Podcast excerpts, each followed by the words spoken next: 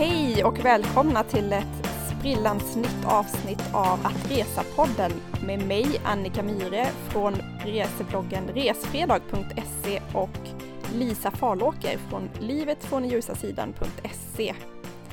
Idag ska vi prata om att resa på långväga weekends och vi kommer snacka om Dubai, Singapore, Bangkok, New York och Istanbul. Och vi tänker så här att innan vi kör igång det här avsnittet får vi köra en liten disclaimer för att vi vet att de här resmålen kan vara Alltså folk har åsikter, politiskt korrekt, ska man verkligen åka till de här länderna? Eh, så hur världsläget ser ut idag, eh, ska man våga åka iväg? Alltså vi har varit på de här ställena, vi tycker de är härliga och sköna och vi väljer därför att prata om dem i dagens avsnitt. Ja precis och sen så kommer vi säkert höra någonting om också vadå weekend, ska man flyga så himla långt för bara en helg och tänk på miljön och tänk på allt annat i hela världen. Men som du säger, vi, vi tar inte hänsyn till det i det här avsnittet. Det kan man absolut ha åsikter kring. Men nu vill vi prata om de här resmålen som är supersköna. Och om vi skulle åka till precis vartenda ett utav dem just idag eller inte, det låter ju vara osagt. Men världsläget är ju ja, det är ett faktum hur, hur det ser ut och sen ändras det dessutom precis hela tiden också. Så att nu ska vi prata om de här sköna, härliga ställena. Och sen är det också så med sådana här weekends att det är långt borta. Så möjligheten kan ju dyka upp på ett annat sätt än att sätta sig på ett flyg från Sverige till de här platserna. Kanske att man förlänger en jobbresa om man är iväg någonstans eller kanske att man befinner sig på något ställe i världen som gör att man lätt kan göra en avstickare. För världskartan målas ju om hela tiden beroende på vad man utgår ifrån. Men eh, ja, städer som vi gillar och som vi vill rekommendera och prata om från ett weekendperspektiv men de är lite längre bort. Och eh, det kom faktiskt som ett önskemål det här avsnittet från eh, i en kommentar tror jag på vår hemsida. Eller vart fick vi in den någonstans Annika? Jag minns inte men jag vet att vi fick frågan i alla fall. Ja, någonstans från alla våra kanaler ja. som vi kanske ska ändå passa på att berätta lite mer om för det var ett tag sedan. Vi finns på attresapodden.se. Där ligger våra avsnitt som ni kan lyssna på. Vi finns också på en Facebook-sida som heter Attresa. Vi finns på Instagram under Attresapodden.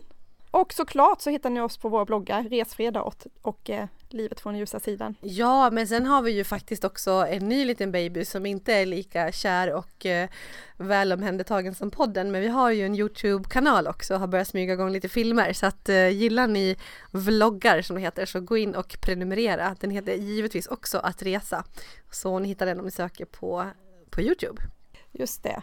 Och innan vi kör igång ska jag också passa på och skryta lite om oss Lisa, eller hur? Ja. För att eh, vi blev faktiskt i veckan nominerade som årets podcast 2016 för den kategorin som vi ligger under på iTunes som är samhälle och kultur. Fatta, måste prata om det här. Vi är ju så stolta och glada över att folk lyssnar på podden och tycker att den är bra och tycker att den är värd att uppmärksammas. Ja men det är verkligen superkul. Sen är det ju stenhård konkurrens och när det här avsnittet släpps så tror jag att röstningen nog är avslutad på att just komma in till, till final. Så att eh, ja, men det är otroligt kul och vi har ju faktiskt ettårsjubileum alldeles snart också. Jag vet inte, kommer du ihåg vilket datum? Vi Första december 2015. Ja okej, okay, så när vi släpper det här, ja då är det precis i krokarna. Coolt! Men nu kör vi, jag vill prata om Dubai. Jag har väntat så himla länge på att få prata om Dubai. Jag gillar Dubai.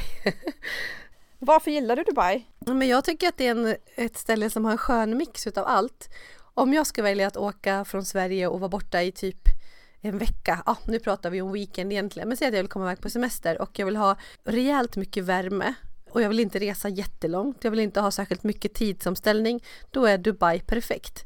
Du flyger dit direkt på så här 6-7 timmar kanske och tidsomställningen är ett par, tre timmar beroende på om det är sommar eller vinter. Och du kan ju få allt, liksom stränder, kanske inte paradisstränder men superhärliga stränder med varmt vatten. Du kan få stadslivet här, storstaden, jag gillar ju det. Eh, du kan ändå komma utanför och göra häftiga saker, du kan shoppa, du kan kolla på allt det här eh, galenskapen som är i Dubai. Jag tycker att det är en skön mix och jag gillar kulturen. Jag gillar det här arabiska och lite tusen och en natt-känslan och det är en kulturell smältdegel där så att eh, ja, jag tycker att det är härligt. Och du då? Ja, du var i Dubai långt före vad jag var där. Så första gången jag var där så inspirerades jag mycket utav, utav dig som hade varit där med barn. Ja, första gången vi var där så körde vi två veckor tillsammans med eh, en annan barnfamilj. Och det ska ju lägga till att Dubai är väldigt barnvänligt. Åker man runt nu och sen efter runt jullovet, december, januari så ligger det på runt 25 stabila grader. Och det är inte många ställen man kommer som man åker så få timmar och ändå får så varmt och skönt väder den perioden. Så vi har varit där med barn och vi var jättenära att boka en weekend nu i december. Vi satt och skulle nästan boka resan, men vi kommer skjuta på den lite grann till eh, efter nyår någon gång. Och också då faktiskt eh, kommer vi köra en weekend för att vi har bara varit där, eh, bara, vi har varit där ett par veckor, vi har varit där tio dagar eller sådär mm. med barnen. Ja, men apropå att det är ett bra resmål med barn så är det också så att just idag när vi spelar in så i just denna sekund så sitter en av mina allra bästa vänner, hon och hennes man sitter på ett plan till Dubai. Hon fick det i 40-årspresent av honom. Så de åker dit bara de två och jag är så himla avundsjuk på det för jag vet att de kommer göra vissa saker som vi inte har kunnat gjort som har varit där bara med barn så att det är ju ett resmål som passar alla. Jag har velat åka dit med mina tjejkompisar också men det har inte blivit men det är, ja det har allt. Men nu måste vi gå in på varför lite mer i specifikt och lite tips. Det här med stränderna, jag sa ju att jag inte tycker att det är några paradisstränder direkt. Håller du med om det eller hur tänker du? Du har säkert varit mer på stranden där än vad jag har varit. Mm, vi hängde väldigt mycket på stranden. Nej, det är inte de vackraste stränderna i hela världen. Alltså det är inte turkost vatten och, och vajande palmer på det sättet, men det är helt okej okay stränder. Det finns lite olika typer. Vi brukade hänga på, på de publika stränderna där det finns verkligen en, en blandning mellan turister och locals som kommer dit. Jag, jag tycker om att inte bara hänga på turist ställen, alltså bara hotellpoolen eller specifika privata stränder då som är bara för det specifika hotellet, utan vi har, vi har tagit taxin och åkt till en av, de, en av de publika stränderna och vi tycker om Jumeirah Open Beach som har en härlig löparbana och det finns lekpark och eh, ja, där, där trivs vi. Den är väldigt, väldigt lång va? Eller det är ju, hela kustremsan i Dubai är ju strand, men just Jumeirah är väl Ja, men den är, den är ganska lång den är absolut tillräckligt lång. Ja, nej men jag tänker att jag tror att liksom själva den publika stranden har ett väldigt brett eh, bred strandyta eller vad man ska säga. Den är väldigt, ja. Ja. Mm. ja men jag håller med. Vi har bott i Dubai Marina som jag ska återkomma till senare och där är det också en publik strand och det känns som att vara ja, men som i Barcelona eller tänk kanske snarare Tel Aviv om man har varit där, där det är eh, höghus och eh, skyskrapor och sen är det stranden där.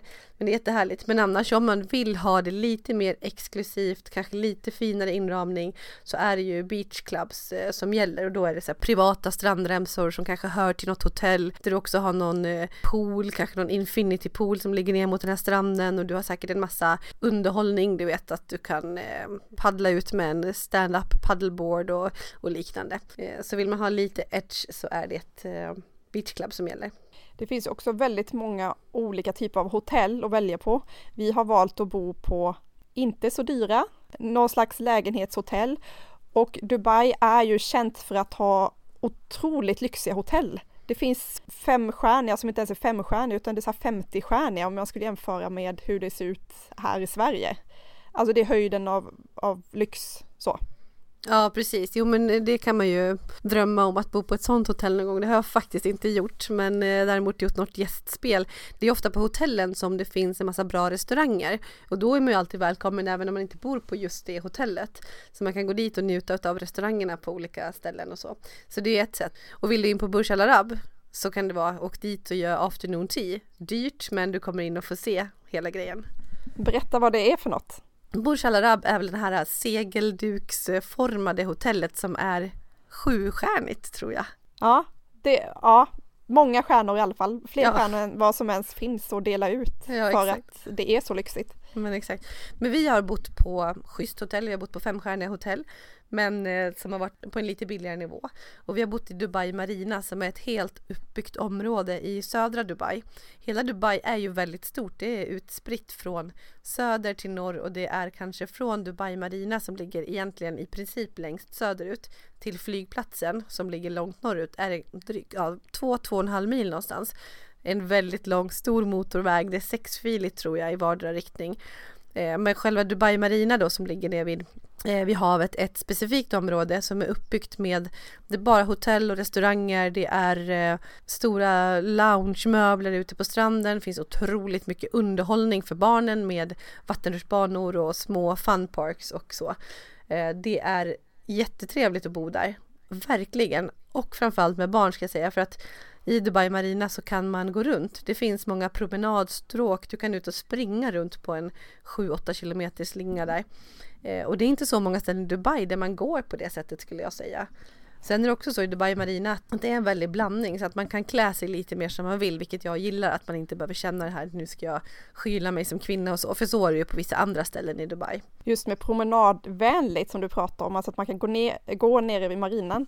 Vi har bott ganska nära stranden när vi har varit där och så en dag bestämde vi oss för att gå in till stan, ja men till eh, köpcentret nästan, det här stora Dubai Mall. Och det var så många som kollade så konstigt på oss för att folk promenerar liksom inte där. Vi, vi tog varsin en vagn och gick och gick och gick och gick. Det finns knappt trottoarer.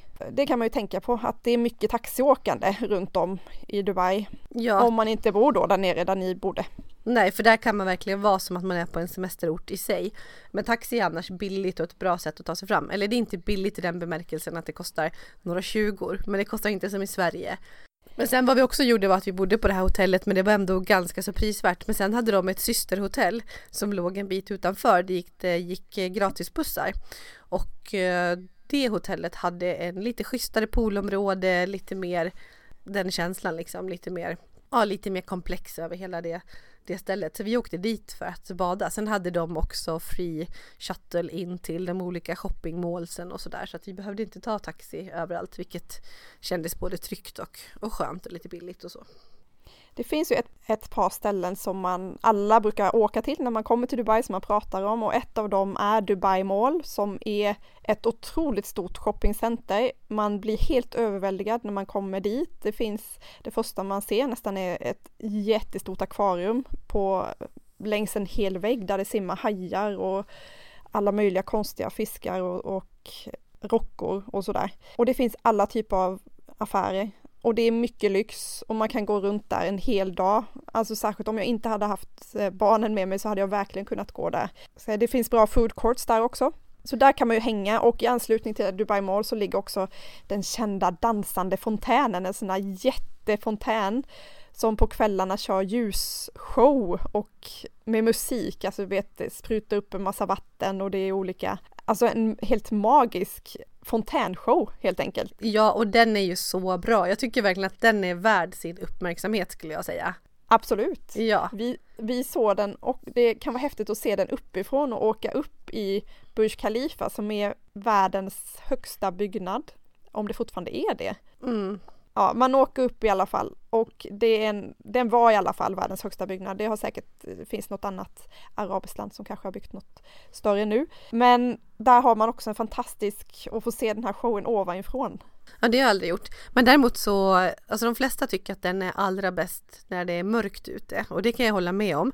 Men det är väldigt mycket folk som flockas runt den här fontänen och den går varje halvtimme från en viss tid på eftermiddagen. Jag minns inte exakt, det här får man ju kolla online, men typ från 4-5 snåret så. Så mitt tips är att börja med att titta på den någon gång i dagsljus och sen sätta sig och käka. Det finns en massa restauranger längs med eh, promenaden eller längs med torget utanför vid den här fontänen. Där sitter man jättebra, man ser fontänen därifrån och det kan vara så här, pizzerior och, eh, och så. Så att det är inte dyr mat bara för att man sitter där. Så det är mitt tips. Kolla på den en gång i dagsljus, sätt dig och ta någonting att käka och sen titta på den igen när det har blivit mörkt.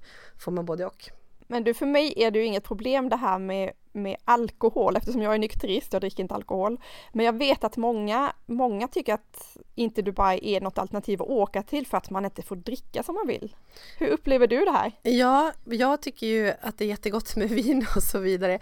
Nej, jag tycker absolut inte att det är något problem på det sättet. På restaurangerna till exempel då här vid fontänen, det serveras ingen alkohol överhuvudtaget och i Dubai Marina med alla de här fantastiskt härliga loungemöblerna nere på stranden där jag bara såg, bara, åh, sitta där och ta en öl på kvällen och bara vilken njutningsfaktor. Men det serverar man inte. Men däremot så serverar man alkohol på hotellen. Så att om man tycker det och man man vill ha sin eftermiddagsöl eller så. Så att eh, vi har druckit öl och drinkar vid poolen på det hotellet där vi har bott och andra. Eh, och på restaurangerna, de flesta bra restaurangerna ligger just på hotell och där serverar de alkohol. Så att det, det, ja, det upplever jag inte överlevde. ja, men exakt. Ja, ja nej, men så att så funkar det med det. Men du, jag måste fråga en sak om Burj Khalifa. Tycker du att det var värt att åka upp i övrigt förutom att vad gäller att se fontänen uppifrån och så? Japp, jag tycker absolut att det var värt det. Vi åkte som sagt upp på kvällen och hade en helt, alltså det var fantastisk utsikt. Jag vet att det kan bli lite disigt och sådär men vi hade jättefin utsikt över hela stan med alla glittrande ljus och man ser ju, ja jag gillar att vara högt upp och kolla ner på staden. Okay. Jag tycker det var värt pengarna för det, är, det kostar verkligen en slant. Det är billigare vet jag om man förbokar istället för att stå och köa i flera timmar på plats. Ja, men man ska absolut förboka för att det är billigare och man eh, kan gå förbi vissa utav köerna i alla fall så man slipper stå fullt lika länge. Vi hade en lite dis idag, jag vet inte om det var därför, men jag tycker inte att det var värt det. Jag tycker att det var, nej jag tycker inte att det var värt det. Och dessutom så betalar man ett pris till en viss våning och så får man betala ytterligare om man vill åka ännu några våningar upp. Och för mig blir det så här, nej jag tänker inte kosta på att åka ännu högre upp. Men jag vet inte om upplevelsen hade varit större. Det kändes som, suga ut så mycket pengar som möjligt där och nej, jag gillade inte det. Nej, och jag gillar det. Ja. ja, men sen finns det annat också. Du pratade om Dubai Mall. Var ni inne på akvariet? Nej, det var vi inte. Vi tyckte att det räckte alldeles utmärkt utifrån. Ja, och det kan jag hålla med om också. Vi var inne på akvariet en gång när vi var där. Och eh, då hade vi varit i Sydney för inte så många år innan, eller vi hade varit i Sydney ganska nyligen där de har ett helt fantastiskt eh, akvarium och eh, jag tyckte absolut inte att det kunde mäta sig. Jag tycker inte riktigt att det var värt att gå in men samtidigt om man inte har gjort det där innan och gått i en tunnel i ett akvarium och fiskarna simmar över huvudet på en och sådär så kan man absolut göra det men som allt annat i Dubai är det ganska dyrt så att ja, är man intresserad eller man har barn som är väldigt entusiastiska så ja, men inget måste. En annan väldigt känd sak i Dubai som de flesta känner till är ju den här skidbacken som ligger i ett stort köp, ett av köpcentren. Helt galet och jag tänker att det, det är lite så här utmärkande och karaktäristiskt för Dubai. De ska alltid vara värst liksom. Ja, verkligen. Jag tror att det är Mall of Emirates som det ligger i, eh, som är snäppet mindre men eh, också så sjukt stort köpcentrum. Lig ligger lite längre söderut i stan. Eh, och jag har varit där och kollat också och det är ju jättekul. Underhållningsfaktorn ligger ju i att se människor från länder som inte alls har någon snö att gå in och, och testa det där. Alltså det är så underhållande. Jag tycker det är jättekul att sitta och titta. Men däremot om jag skulle betala och eh, åka skidor i tre timmar för typ 500 spänn, även om kläderna ingår då, men det tror jag faktiskt inte att jag skulle göra. Men däremot tycker jag att det är lite kul att faktiskt försöka hitta lite utav gamla Dubai och vara inne i gamla stan och sånt, för det finns ju faktiskt lite sånt också. Det är absolut inte stället du ska åka till om du vill få en full kulturell upplevelse på det sättet, för att Dubai är blandat och det är mest bara ja, galenskap och nytt och eh, Las Vegas i, i ett arabland liksom. Men eh, bland annat så finns det olika så här, socker, alltså typ basarer eller vad man ska kalla marknader. Typ guldsocken eller textilsocken eller spicesock. Och eh, där var vi och tittade. Vi handlade ingenting. Jag tror att guld är en ganska bra grej att köpa där. Jag tror att det är lite billigare och sådär. Jag tror att man kan vara hyfsat säker på kvaliteten. Jag vågar inte lova men jag har fått för mig det. Eller? Ja, eh, jag har faktiskt föräldrar till en kompis som blev lurad nu i Dubai för inte länge sedan. De hade, åh, de hade hört om det här fantastiska guldet, men de fick inte med sig rätt kvalitet hem. Så eh, ja, nej, jag, jag, kan inte garantera det där, men det är kul att kolla på, absolut. Ja, och så kan man ju åka den här lilla båten som är en riktig klassiker också över kanalen där. Nu minns jag inte vad den heter bara för det, men det är eh, någon form av lite klassisk gondol-liknande båt som man tar över kanalen och som går mellan de olika sockerna. Det tycker jag också man kan göra. Och nu har vi pratat om Dubai länge, men du måste väl också, alltså de bilderna som jag har sett från dig, som vi inte haft möjlighet att göra än, det är att åka ut till öknen, ta en ökenutflykt. Ja, det där känns ju som en turistfälla tycker jag när man hör det. Att ah, åka ut och åka jeep på sanddynorna i öknen. Men jag tyckte det var så himla bra faktiskt. Och det var inte, det var inte jättedyrt utifrån vad man fick. Vi blev hämtade på hotellet och sen så kör man ut några mil rakt ut på de här sandvidderna och sen kör man jeep på sanddynorna och det går undan. Alltså det är sånt drag alltså vi fattar inte, vi var ju så här, vi ska ha en lugn tur för vi hade med oss barnen som var, ja när var det här, det var senast vi var där, det var i våras, de var alltså fem och sju år. Och så hade vi med Meja fyra månader i babyskydd. så vi bara, vi får ta en lite lugnare tur, vi kan inte ta en sån här adrenalinhistoria, de bara nej nej men ni tar den lugna. Men vi körde, alltså man flög i de här dynorna, vi körde fast de fick ut och gräva loss oss och dra oss med boxerlina. Det var så otroligt kul. Ingenting för den som är rädd och jag fick någon kommentar på bloggen efteråt att oj oj oj det här vågar man ju inte göra för man kan göra illa sig i ryggen och så här. Jag tänker att det är sånt som kan hända i en karusell på Gröna Lund. Åker man inte karusellerna där för att man är rädd för någonting då kanske man inte ska göra det här heller. Men det, eh, det är otroligt få incidenter. Nej, det var jätte, jätte, jättekul verkligen. Så det tycker jag man ska göra ut och känna på öknen.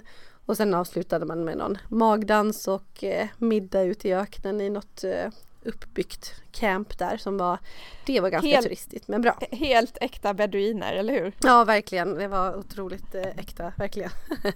Nej, men det var, det var kul. Jättebra utflykt tycker jag. Det har jag skrivit om på min blogg så det kan vi hänvisa till. Men sen vill jag ge ett sista tips bara till Dubai och det är Friday brunch som är någonting utöver det vanliga i Dubai. Det är ett sätt som de där inleder helgen på och eh, det är också på de här bästa restaurangerna, på hotellen där man dukar upp så enormt mycket mat. Alltså om du pratar en brunch i typ en storstad i Sverige, det går inte att jämföra. Det här är, det står kockar, alltså mästerkockar på rad och bara lagar den mest fantastiska maten du kan tänka dig. Sen är det också, apropå alkohol, det här är ofta ganska festligt. Att man betalar lite extra pengar för att ha fri tillgång till vin. Och jag har hört att eh, många expats, alltså sådana som är där och bor och jobbar, alltså på vissa ställen där, där de röjer så är det dansa på borden ganska tidigt. Vi var på en familjevariant såklart och eh, njöt bara utav maten och det var inte någon feststämning på det sättet. Men det var otroligt bra. Men det måste man boka i förväg. Det blir fullbokat gör det direkt du vet att du ska åka till Dubai. I alla fall en månad innan gärna. Och googla för att hitta något som passar dig bra. Friday brunch, yep. hett tips i Dubai. Japp.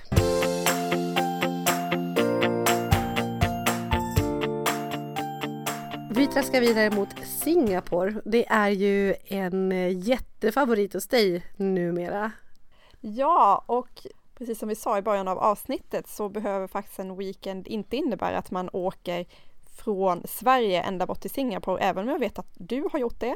Jag passade på när vi var i Thailand under en längre period och flyga till Singapore över helgen från eh, Krabi i Thailand. Och vi hade en helt fantastisk helg. Jag blev verkligen superkär i Singapore. Och jag vet att det är många som inte gillar Singapore eftersom det inte känns så jätteasiatiskt men ändå är verkligen Asien. Alltså det är så blandade känslor för att Singapore är som att komma till jag vet inte riktigt hur man ska förklara det, men det är, det är så rent överallt, det är futuristiskt, det känns som att allting är uppbyggt för businessfolket i Singapore. Nej, men samtidigt så finns det twisten med Chinatown och det är Arab Street och det är Little India och det är så många kulturer som samlas på en så liten yta. Och jag älskar den mixen av så mycket folk och det funkar liksom. De går där sida vid sida. Det, det händer inga peppa peppa jättestora bråk i Singapore utan det funkar liksom. Ja precis, trots mycket olika ursprung och religioner och så. Ja, jag håller med, det är verkligen superhäftigt där. Och sen är det ju det man ska göra i Singapore. Man ska till de här olika stadsdelarna för att känna den olika känslan som är på, på alla olika ställen. Käka grymmaste indiska maten i Little India och eh, sitta och käka sådana här eh, Steamboats, steamboat, typ som fondyaktigt på bänkar i Chinatown. Ja, men det är urmysigt. Så att eh, runt i de olika stadsdelarna, det är det man ska göra. Men jag var ju där här, du sa att jag flög från Sverige och det stämmer men jag gjorde en, eh, min man var där och jobbade så då passade jag på att åka dit fyra, fem dagar någonstans och han var ute i flera veckor och åkte mellan olika ställen i Asien så att jag reste långt men han, han var där och det är så man kan göra, man kanske ska dit och jobba.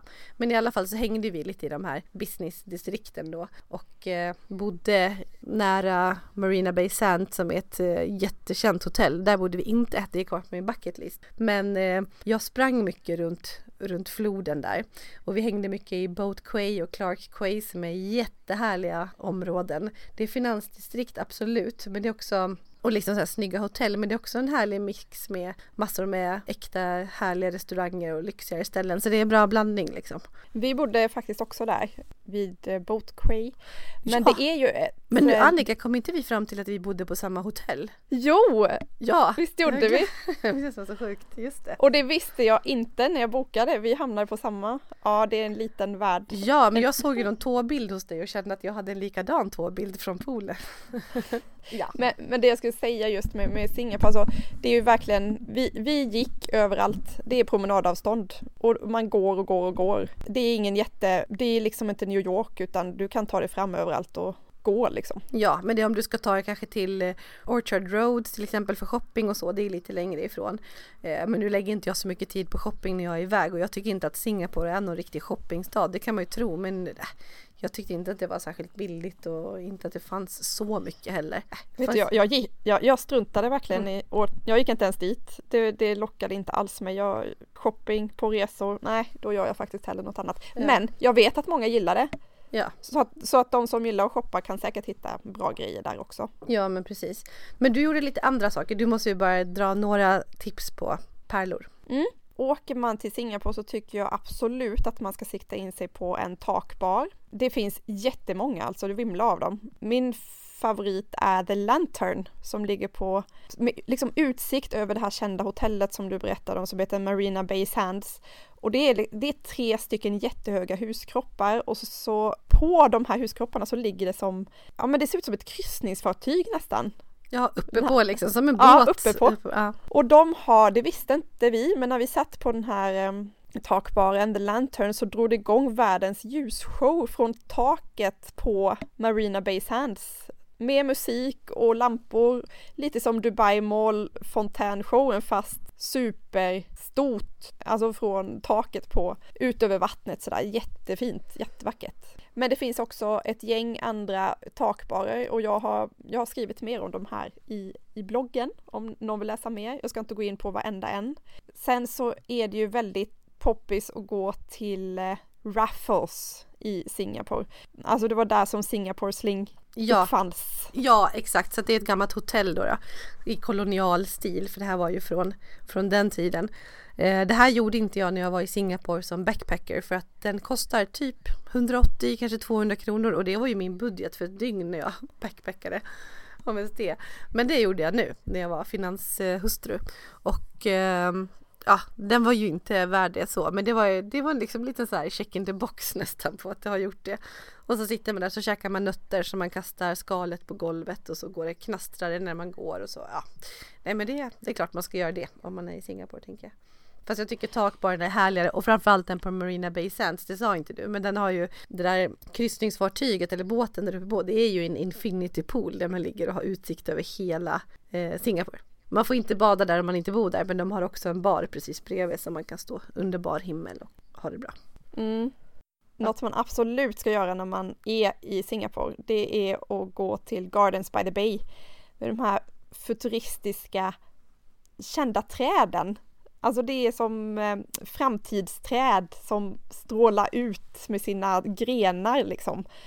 Eh, om ni har sett Avatar, det känns som att befinna sig mitt i Avatar alltså. Och när man kommer in hit så finns det två stycken olika inglasade miniträdgårdar kan man säga. Alltså den ena heter Cloud Forest och den andra är Fl- Flower Dome. Och då har man skapat en inomhusmiljö. Det ena är trädgård, en trädgård med massa blommor från hela världen som de har byggt upp olika miljöer då. Alltså hur trädgårdarna ser ut i USA eller Asien. Jättehäftigt, supercoolt. Och i den här Cloud Forest så är det skogs, alltså det känns som att gå in i regnskog med ett jättehögt vattenfall. Allt det är såklart, alltså det är ju det här med Singapore, att det är väldigt futuristiskt och det känns som att ja men det är kanske så vi kommer uppleva naturen om hundra år, inglasat. Inte Mm. på äkta fast ändå liksom. Det låter ju superhäftigt. Sen vet jag att du pratar också om Art Science Museum som är väl i samma genre som man får läsa mer om hos dig. Och sen eh, är det ju bara att gå där runt, eh, runt vattnet och Merlion Park är ju också en riktig klassiker. Och så finns det ju andra saker också. Det finns ett zoo som är väldigt välkänt och ja, generellt botaniska trädgårdar, man kan åka linbana, man kan gå på, till ett ställe med undervattensvärld.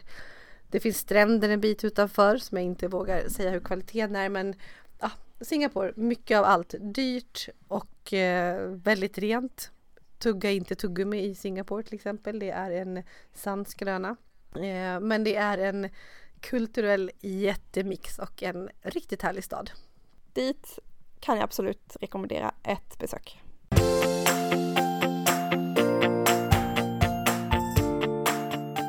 Om vi ska köra vidare i den här Asien-andan så kommer vi att prata nu om Bangkok. Ja, jag har faktiskt en eh, för detta kollega som flög till Bangkok från Sverige, fick tag i jättebilliga flygbiljetter. Det finns ju det dit ibland. Det här var lite off season så och eh, billigt superlyxhotell för det går det också ofta att få tag i i Bangkok. Och gjorde lite som en så här träningsresa. De hängde i poolen, de körde supermycket träning och såklart spa, massager, alltihopa. Och sen Bangkok är ju så sjukt mycket av allt. Så det var ett lite häftigt koncept tycker jag. Att de drog väl en fem dagar till, fyra, fem dagar till Bangkok och tyckte att det var en billig och jättebra träningshälsoresa typ. Och, och komma från, för att vi var i Singapore och så var, åkte vi till Bangkok bara några veckor efter. Och kontrasten mellan Singapore och Bangkok är ju helt enorm. Bangkok är ju bara ett enda stort myller av gator och matstånd och människor och trafik och alltså det är saker som händer he hela tiden. Det luktar, det låter, det känns. Ja, det är så här, varje liten kvadratdecimeter är liksom ett liv i Bangkok. Ja, det är så mycket. Men jag älskar det förstås. Jag tycker Bangkok är så härligt just av den anledningen för att man blir helt eh, Ja, det är som att få en knockout känner jag. One night in Bangkok alltså. Ja, mm, det är därför, ja, och så att om vi ska prata på samma sätt som vi har gjort om Dubai och Singapore, det går ju inte för man kan inte säga så här, vad ska man göra i Bangkok?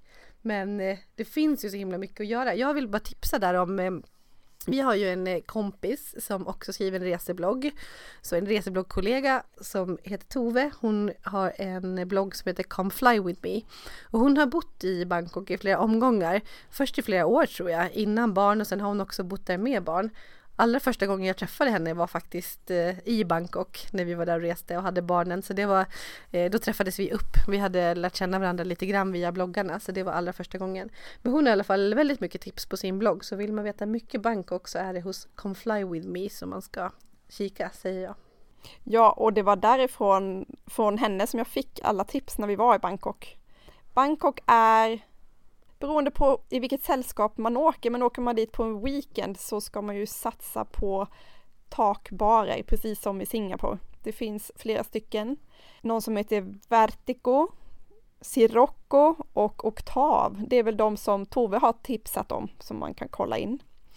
Men Bangkok, mest, allra mest känd är en gata som heter, alltså om man, om man pratar med svenska backpackers, så är Khao San Road väldigt, väldigt, väldigt känd. Oh, det, jag det, älskar Cousin Road. det är en 400 meter lång backpackergata och tänk att det är typ the center of the backpacking universe. Alla backpackers från hela världen typ möts upp på de här 400 meterna och pratar om sina drömmar och att leva för stunden och ta tillvara på livet och göra det här och nu och du vet Oh, Fångardagen, ja, diem. Ja, jag blir helt så varm inombords. Och får så himla mycket fina minnen och jag tror att om jag sätter min fot på Cousin Road igen, vilket jag ska göra, då kommer jag vara 22 år i själ och hjärta igen, det vet jag. Och de kommer titta på det och bara, vem är den där tanten som går på ja, gata? Ja, troligtvis så är det väl förstås så, men eh, ja, dit kan man ju åka om man är eh, en eh, normal medelålders eh, svensk person. då kan man åka dit och titta på det, då kanske man inte pratar sina drömmar.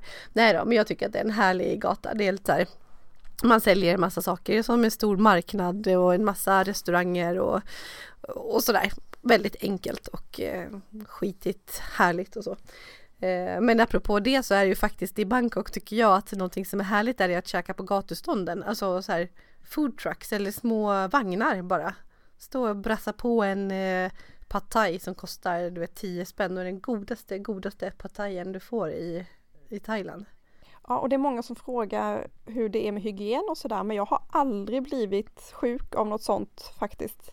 Och jag har ätit från många matstånd kan jag säga. Ja, inte jag heller. Jag tror någonstans att där ser du när de tillagar maten, den är helt färsk och fräsch och fin. Alltså enda gången jag har blivit magsjuk i Thailand och i Bangkok, då käkade vi på en av de stora shoppingmålsen där, käkade vi en pizza. Ja men det var typ så här italiensk stenugnspizza inne på det här och jag blev så sjuk och eh, min man också. Det var, var ju då som vi avslutade vår resa med. Så vi skulle ha två eller om det var tre nätter på det här jättelyxiga härliga hotellet i Bangkok och var så magsjuka. Och då hade vi varit runt i många månader innan och eh, bara eh, street food. Men eh, ja. Så paradoxalt att bli det av pizzan på ja. och inte från det lilla gatuköket Nej. vid gatan. Ja, Exakt, konstigt. klassiker. Men shoppingställena, alltså jag måste ändå tipsa där om någonting, ett stort köpcenter som vi var till som heter Terminal 21, Terminal 21.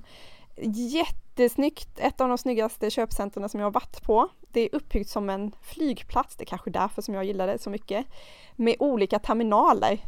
Så är det uppbyggt och jag tycker absolut att man ska gå dit och, eh, och kolla, riktigt häftigt. Mm. Sen en, en annan sån här eh, klassisk grej i Bangkok är att åka båt på floden, Chao Phraya River. Så det tycker jag också man ska göra om man vill se lite mer utav, eh, utav Bangkok. Och sen är det ju mycket tempel som Wat Po som är ett jättekänt tempel. Och man kan ta en tuk-tuk till exempel och åka runt i, i Bangkok. Men där ska man se upp lite grann för det finns många som vill lura av en lite extra pengar eller vill ta en till en massa skrädderier och butiker med souvenirer och så vidare och vill att man ska köpa extra där. Betala hellre mer pengar för din tuk-tuk och eh, åk dit du vill. Om man nu vill ut och åka tuk-tuk i den trafiken. Men eh, ah, det tänker jag att det, det kan man väl göra. De har ju sådana här blommor som hänger där fram som de måste offra grejer. Då tänker jag att då, då är vi under något Safe. bra beskydd. ja. En, en sista sak om, om Bangkok innan vi kör vidare. Jag tycker också att man ska ta ett besök till Lumpini Park som är Bangkoks motsvarighet till Central Park. Jätte, jättehärlig park som vi hängde i en hel dag. Och där kan man bara sätta sig med picknick och, och kolla på alla Bangkokbor som hänger där och de tränar och de har familjeutflykter och de umgås. Jättehärligt eh, sätt att uppleva staden. New York, det är ju så tufft nu när vi har pratat ganska länge om vi ska börja prata New York. För nu kan jag fylla en timme till, eller två. Hur länge ska vi prata New York? Jag älskar New York, det är ju bara bäst.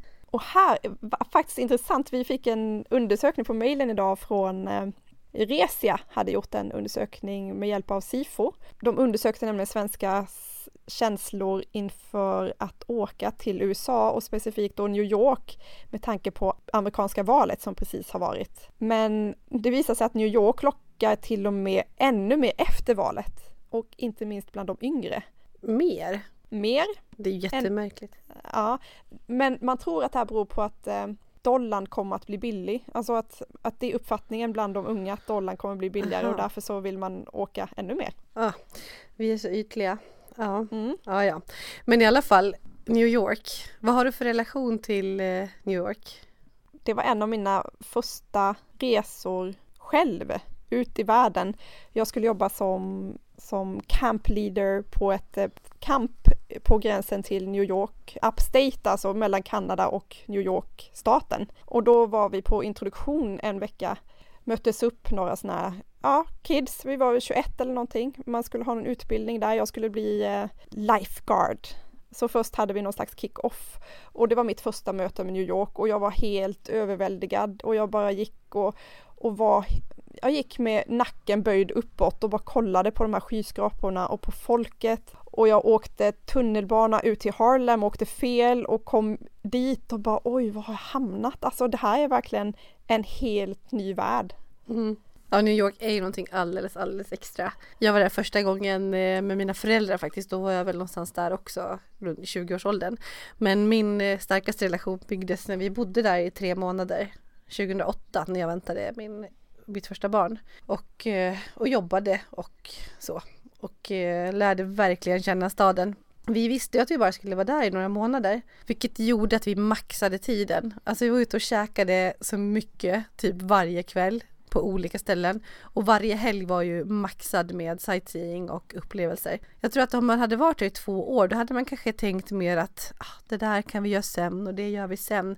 Det var så som de andra svenskarna som vi umgicks lite grann med där sa att ni har gjort så mycket mer än vad vi har gjort på ett år för att vi, vi klämde in allt. Så jag har en stark och äkta kärlek till New York och känner också att jag känner staden ganska väl så och varit tillbaka ganska många gånger efter också. För det, det är ju så intressant för många svenskar eller jag vet inte bara svenska, men många människor i världen har ju, alltså New York för dem är staden med stort S.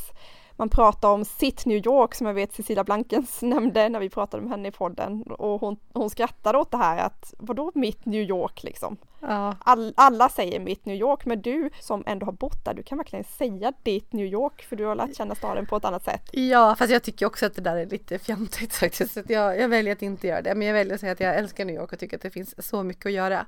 Men vi studsar ner på lite saker att göra i New York, vad jag tycker man ska prioritera. Till att börja med takbarer i New York också, självklart. Det finns hur många härliga som helst och eh, i olika stadsdelar också. Jag gillar The Standard Hotel i Meatpacking, ett av de lyxigaste och jättehärliga. Jag gillar James Hotel i Soho. Och så finns det ett med utsikt över Empire State. 230 Fifth, säger man så? Mm. ja, eh, det är en jättehärlig utomhus eh, takbar som har grym utsikt verkligen. Eh, ah, det finns hur många ställen som helst. Men eh, jag tycker skyline generellt är ju det som talar för New York, att man vill se deras skyline. Man kan flyga helikopter, det har jag gjort en gång också, fick som bröllopspresent faktiskt, utan några vänner coolt verkligen. Men det behöver inte vara så avancerat, det är ju dyrt och, och så.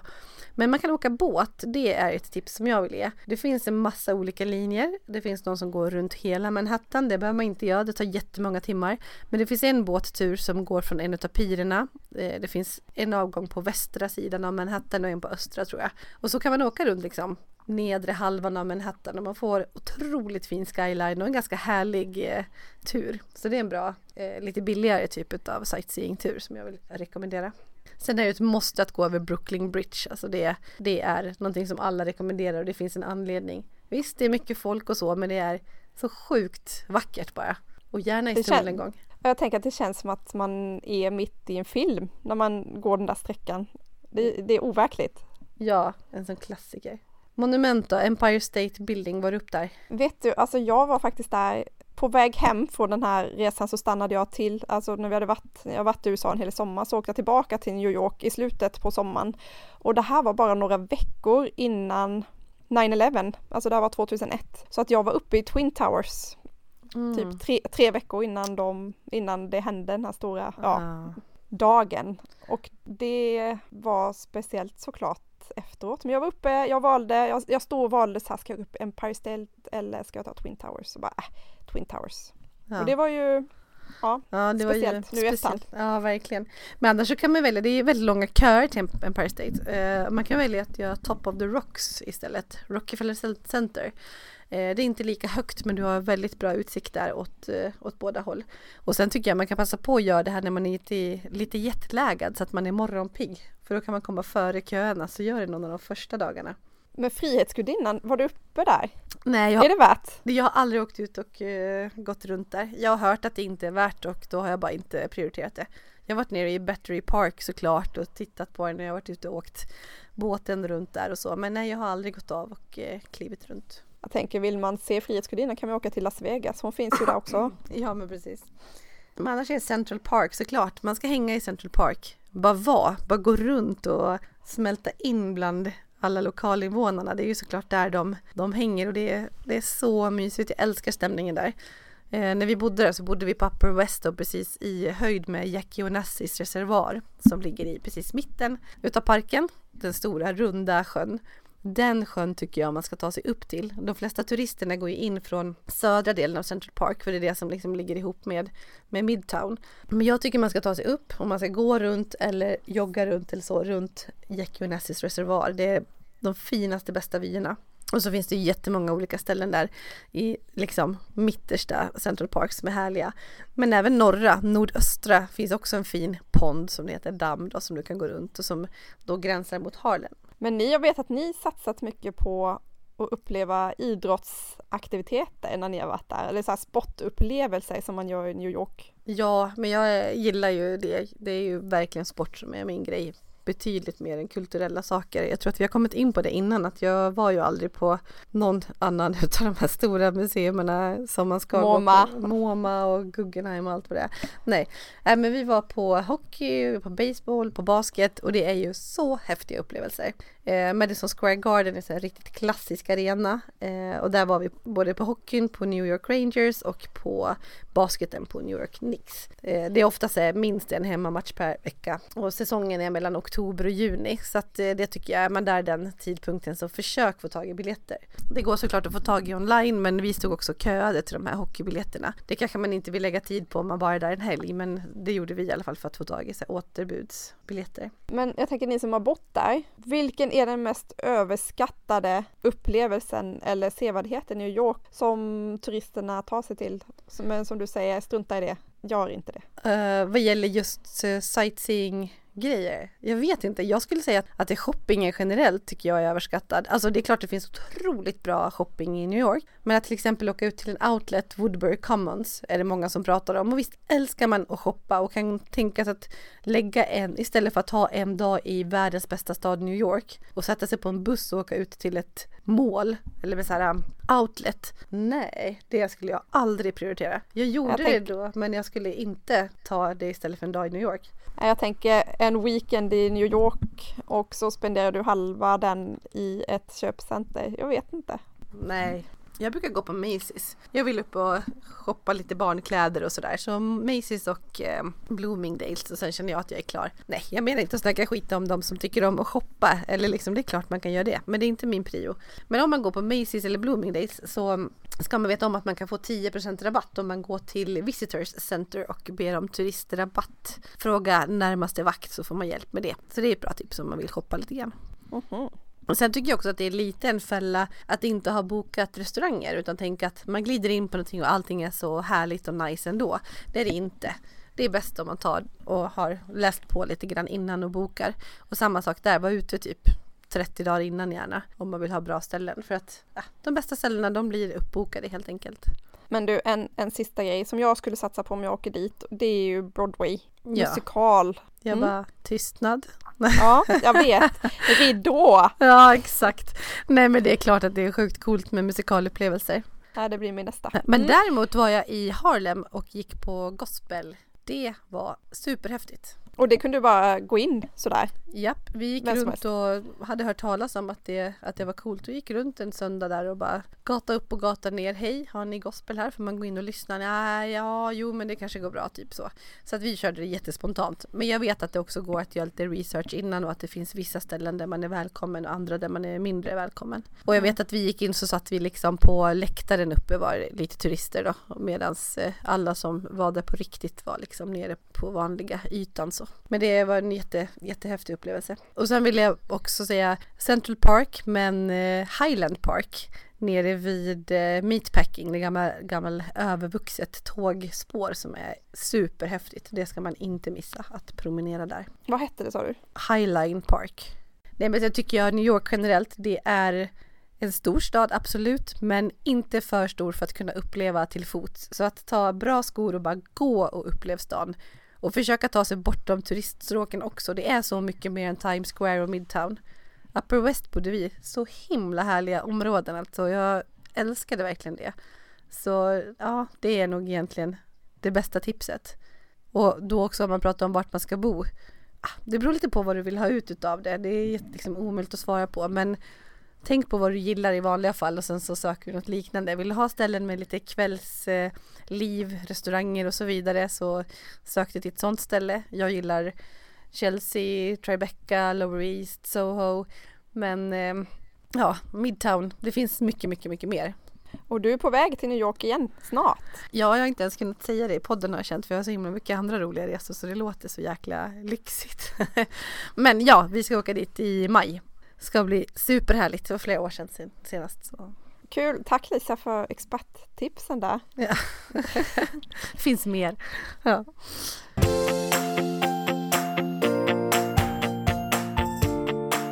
Men vi kör vidare på vårt sista weekendresmål, långväga. Och det är ett av mina bästa resmål hittills. Om vi pratar weekends och då menar jag alla weekends. Alltså Paris, London, Madrid, you name it. Istanbul är grejen. Och jag vet att det är oroligt där nu. Jag har en vän som precis kom tillbaka därifrån nu. Hon har varit där över helgen med sin, eh, med sin man. Och ja, jag kan inte säga någonting. Man vet aldrig när det smäller och var det smäller, men de hade haft en jättehärlig helg. Det måste märkas jättemycket där antar jag på turismen nu, ja, eller? Ja, det är inte alls lika mycket. Inte alls lika mycket turister. Nej. Av, av naturliga skäl. Ja, såklart. Men om vi ska bortse från det nu och prata om de här upplevelserna i Istanbul. Jag vill ju tillbaka dit. Jag har varit där en gång. Eh, det var med barnen. Vi anlände i eh, början på december. Jag tror att jag är en av ganska få svenska turister i alla fall som har upplevt snö i Istanbul.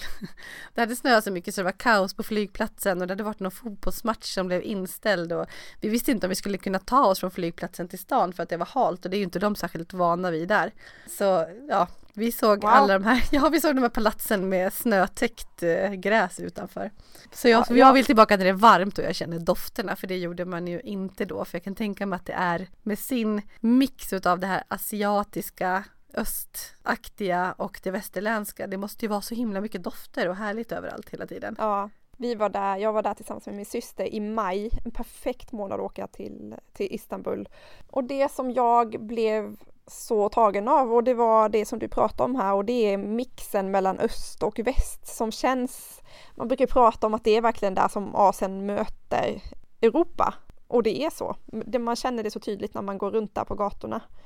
Det finns olika stadsdelar såklart som man får ut olika känslor av. Sultanamet som är Gamla stan det känns som att gå på en kavalkad av sevärdhet. Allting ligger där på gångavstånd. Och då pratar vi om de här supermäktiga moskéerna, alltså det är Blå moskén och Hagia Sofia. Och Blå moskén, det, det som ser ut som en supermaffig koloss, så här rejäl, med sex minareter. Och så ganska tråkigt tycker jag från utsidan, men går man in i den här moskén så möts man av alltså man kollar upp och det är ett tak, alltså så här kupol, massa olika kupoler upp med massa, massa, massa fönster, 250 mosaikfönster och, och så är hela taken täckta av vackra keramikplattor från en stad som heter Isnik. Och det är en superhäftig upplevelse att gå in och kolla där och man bara står och ja, det är verkligen vördnadsfullt där inne. Jättefint. Ja, jag kan bara hålla med om så mäktiga byggnader. Men annars tycker jag att den här basilika-cisternen, det var bland det coolaste tycker jag. Ja, det här absolut. Jag vet att min syrra, hon tjatade om att vi skulle gå till Basilika Cisternen och jag bara nej, alltså nej, ska vi, ska vi, vad ska vi göra där? Det verkar jättetråkigt. Och så kom vi dit, alltså det är gamla vatten, eh, sådana vattenreservoar så man kommer ner i underjorden och det är massa pelare och det är liksom upplyst och det är, jag vet att de brukar ha konserter där nere i den här miljön. Superhäftigt och det droppar och känns som att man är inne i någon sån här Indiana Jones jakten på den försvunna diamanten eller någonting. Mm. Ja men det är otroligt mäktigt. Sen ska man också självklart gå till Grand Bazaar. Det är den stora marknaden som är, ah, det är under övertäckt ett stort, stort område, flera kvarter med bara så marknadsgrejer. Det är de här små färgglada lamporna. Det tror man nästan att det är en eh, bara skröna att det ser ut så i Istanbul. Men det är så otroligt mycket de här små färgglada lamporna precis överallt och inne på basaren är ju inget undantag. Det är färgglatt, det är tyger och det är kommers och ja men otroligt härligt. Ja, där ska man verkligen gå. De hade stängt av stora delar av den när vi var där för att Tom Cruise var där och spelade in en film. Eh, vi såg aldrig honom tyvärr, men eh, vi såg mycket annat och ja, vi köpte med oss en sån här eh, lykta, mosaiklykta hem. De har ju så många fina alltså. Ja, verkligen. En annan sak man absolut ska göra, det är att uppleva hammam. En sån här riktigt turkiskt bad. Man kommer dit och blir superskrubbad av en turkisk rejäl badkvinna som bara river med sån här borste och det känner, man känner, alltså jag kände mig som att jag var fem år och bara du vet skulle bara skrubba av allting och det var så himla himla skönt. Och så lägger man sig på en sån här stor marmorplatta som är uppvärmd. Så man ligger där och det droppar från taket och det är varmt och det är skönt och man är bara totalt avslappnad. Det är en, det är en superhäftig upplevelse. Jag tycker absolut att man ska satsa på det. Mm. Sen, jag, innan jag åkte till Istanbul, jag hade längtat efter det så himla länge att komma dit och nu var det ju som sagt speciellt att det var på vintern och vi hade barnen med som var små då, de var tre och fem bara. Men jag hade sett en bild som blev någonting utav min målbild. Jag kan ha det ibland på vissa resmål att jag ser något och bara gud det där skulle jag vilja göra. Och en sån sak var ett teställe. Liksom I en stor park så fanns det en viss eh, uteservering kan man säga där de serverar te. Det är mycket te i Istanbul generellt. Och det heter, parken heter Gulhane Park, hur man nu uttalar det, något sånt. Och då hade jag sett en bild på en sån här gammaldags tekanna som det rykte lite ur och när man tittade ut ovanför den här tekannan så var det en fantastisk utsikt ut över Istanbuls gator. Eh, så det hade jag sett framför mig och vi gick och vi letade och letade och letade efter ett teställe. Och vi skulle peppa femåringen till att orka gå för att hon satt ju inte i vagn, det gjorde treåringen. Och det var så långt och det var så kallt. Det var ju minusgrader vi var inte alls klädda för det. Vi skulle på en längre resa senare liksom så vi hade med några tunna lättviktsjackor. Men vi kom i alla fall fram och eh, fick sätta mig vid ett sånt där lågt bord liksom där man satt i princip på små pallar och mm. dricka min te och blicka ut och kände att jag befann mig i min dröm. Jag tyckte det var så läckert så jag vill verkligen säga att eh, testa den här Tea Garden i Gylhane Park. Den är charmig. Det var värt Ja, men det var jag, värt det. Ja, jag tyckte det. Jag vet inte om min man tyckte det. Det var ju lite en fix idé, men ja, ja jo, men jag tycker det. och, och, generellt då just det här med teupplevelse, alltså maten i Istanbul. Man ska bara gå runt och äta överallt. De har massa, de har en massa små rätter, metses överallt. Såklart, alltså kebaben i Istanbul. Det var ju det vi gjorde, vi käkade kebab. Ja. Och de har fantastiskt goda våfflor och de har rostade eh, kastanjer som doftar och smakar jättegott. Alltså maten. Mm. Ja, ja nej, men den är himmelsk. Det är också så himla mycket blandning. Och i Istanbul skulle jag säga, alltså det är klart det finns jättebra restauranger och det finns takbarer som är jättemoderna och så här grymma. Det finns sjukt bra restauranger. Men det är ett ställe där du verkligen kan anamma både street food, bara ta ett hål i väggen ställe eller glida in på närmaste restaurang och eh, sätt dig på golvet på stora mattor som ligger ute där och bara få jätte, jättehärlig plockmat serverad. Och de här härliga kebaben alltså med grillspetten är det så otroligt bra mat verkligen. Råvarorna i Istanbul, galet bra. Mm. Sen finns det ju, alltså vi skulle kunna prata länge om Istanbul igen. No några av mina bästa upplevelser var ett besök på Topkapi-palatset, ett enormt stort palats. Och specifikt då det gamla haremet som tillhör det här palatset. Fantastiskt fina rum. Sen så tog vi en, en båttur på Bosporen, på floden, ut till en ö som heter, ja det är också det här med uttalet, Bujukada där vi spenderade en halv dag och, och det var jätte, jättehärligt. Ja, men vi tog också en båttur. Det var jätte, jättekallt så att om ni är där i december och det snöar så nej, det är inte så vanligt. Nej, men vi åkte över till asiatiska sidan och eh, gick omkring och spanade lite. Så det, det tycker jag också att det är någonting man verkligen ska göra. Men sen också, vi pratade ju om Gamla stan, det är där det mesta ligger som man vill se med de här supermäktiga byggnaderna. Men sen är det klart, är man i Istanbul, det finns ju andra sidor också. Alltså hela den nya delen och moderna med Galatasaray och Taksimtorget. Nu tycker inte jag att det är någonting att se på det sättet på, på, samma sätt som de här mäktiga byggnaderna i Gamla stan. Men vill man få en liten koll på, på Istanbul generellt och det yngre klientelet och lite modernare kvarter, det som är trendigt och internationellt, då är det ju där man ska vara. Ja, vi gjorde så att vi, vi bodde vid Taksimtorget. Vi bodde där och sen så gick vi ner till Gamla stan och det kan ju vara en, en skön mix för att få båda världar tänker jag. Just det. Ja, nej, Istanbul, jag längtar verkligen efter att få komma tillbaka dit. Jag hoppas att, eh, att läget blir ett sånt att jag kan åka tillbaka. Jag har så mycket kvar och just och mycket takbarer vill jag till. Det har jag inte gjort. Nej, det finns alltid anledningar att åka tillbaka. Mm. Och nu har ju vi snackat på här, alltså vår, ja. och ha, det finns olika charm med de här olika städerna och vi hade ju faktiskt några bubblare på den här listan som vi hade tänkt att prata om men som vi absolut inte kommer hinna i det här avsnittet. Och det var Reykjavik, Marrakesh och Kapstaden. Men jag tänker att vi kommer köra den här podden ganska länge till så att de kommer säkert dyka upp i något annat sammanhang framöver. Ja, men jag hoppas att eh, det här uh, scratchandet som vi gjorde på ytan utav de här städerna i alla fall har inspirerat lite grann. För sen finns ju så mycket tips på alla ställen. Det, det är svårt att sitta och podda och känna att man måste hejda sig hela tiden och bara, men man kan inte tipsa om allt. Inte ens eh, när man pratar får man fram hur mycket som helst. Man kan ju, får ju begränsa sig när man skriver, men eh, ja, jag känner inte att man får fram allting här heller. Men fem otroligt härliga ställen som man kan titta mot nästa gång om man vill göra någon lite längre sväng. En mer långväga weekend. Men du, en sista fråga. Om du skulle få välja en enda av de här weekendresmålen, vilken stad skulle du åka till? Om du inte hade varit där tidigare. Och om jag inte hade varit där tidigare? Eh, nej, men jag tycker nog att New York är ett ställe som man ska uppleva och eh, bilda sin egen uppfattning om. Men det är svårt. Shit, jag kan inte riktigt välja. De är så himla olika också eftersom det är så jätteolika världsdelar och så. Men nej, jag får svara New York, det, det är min bästa. Och du?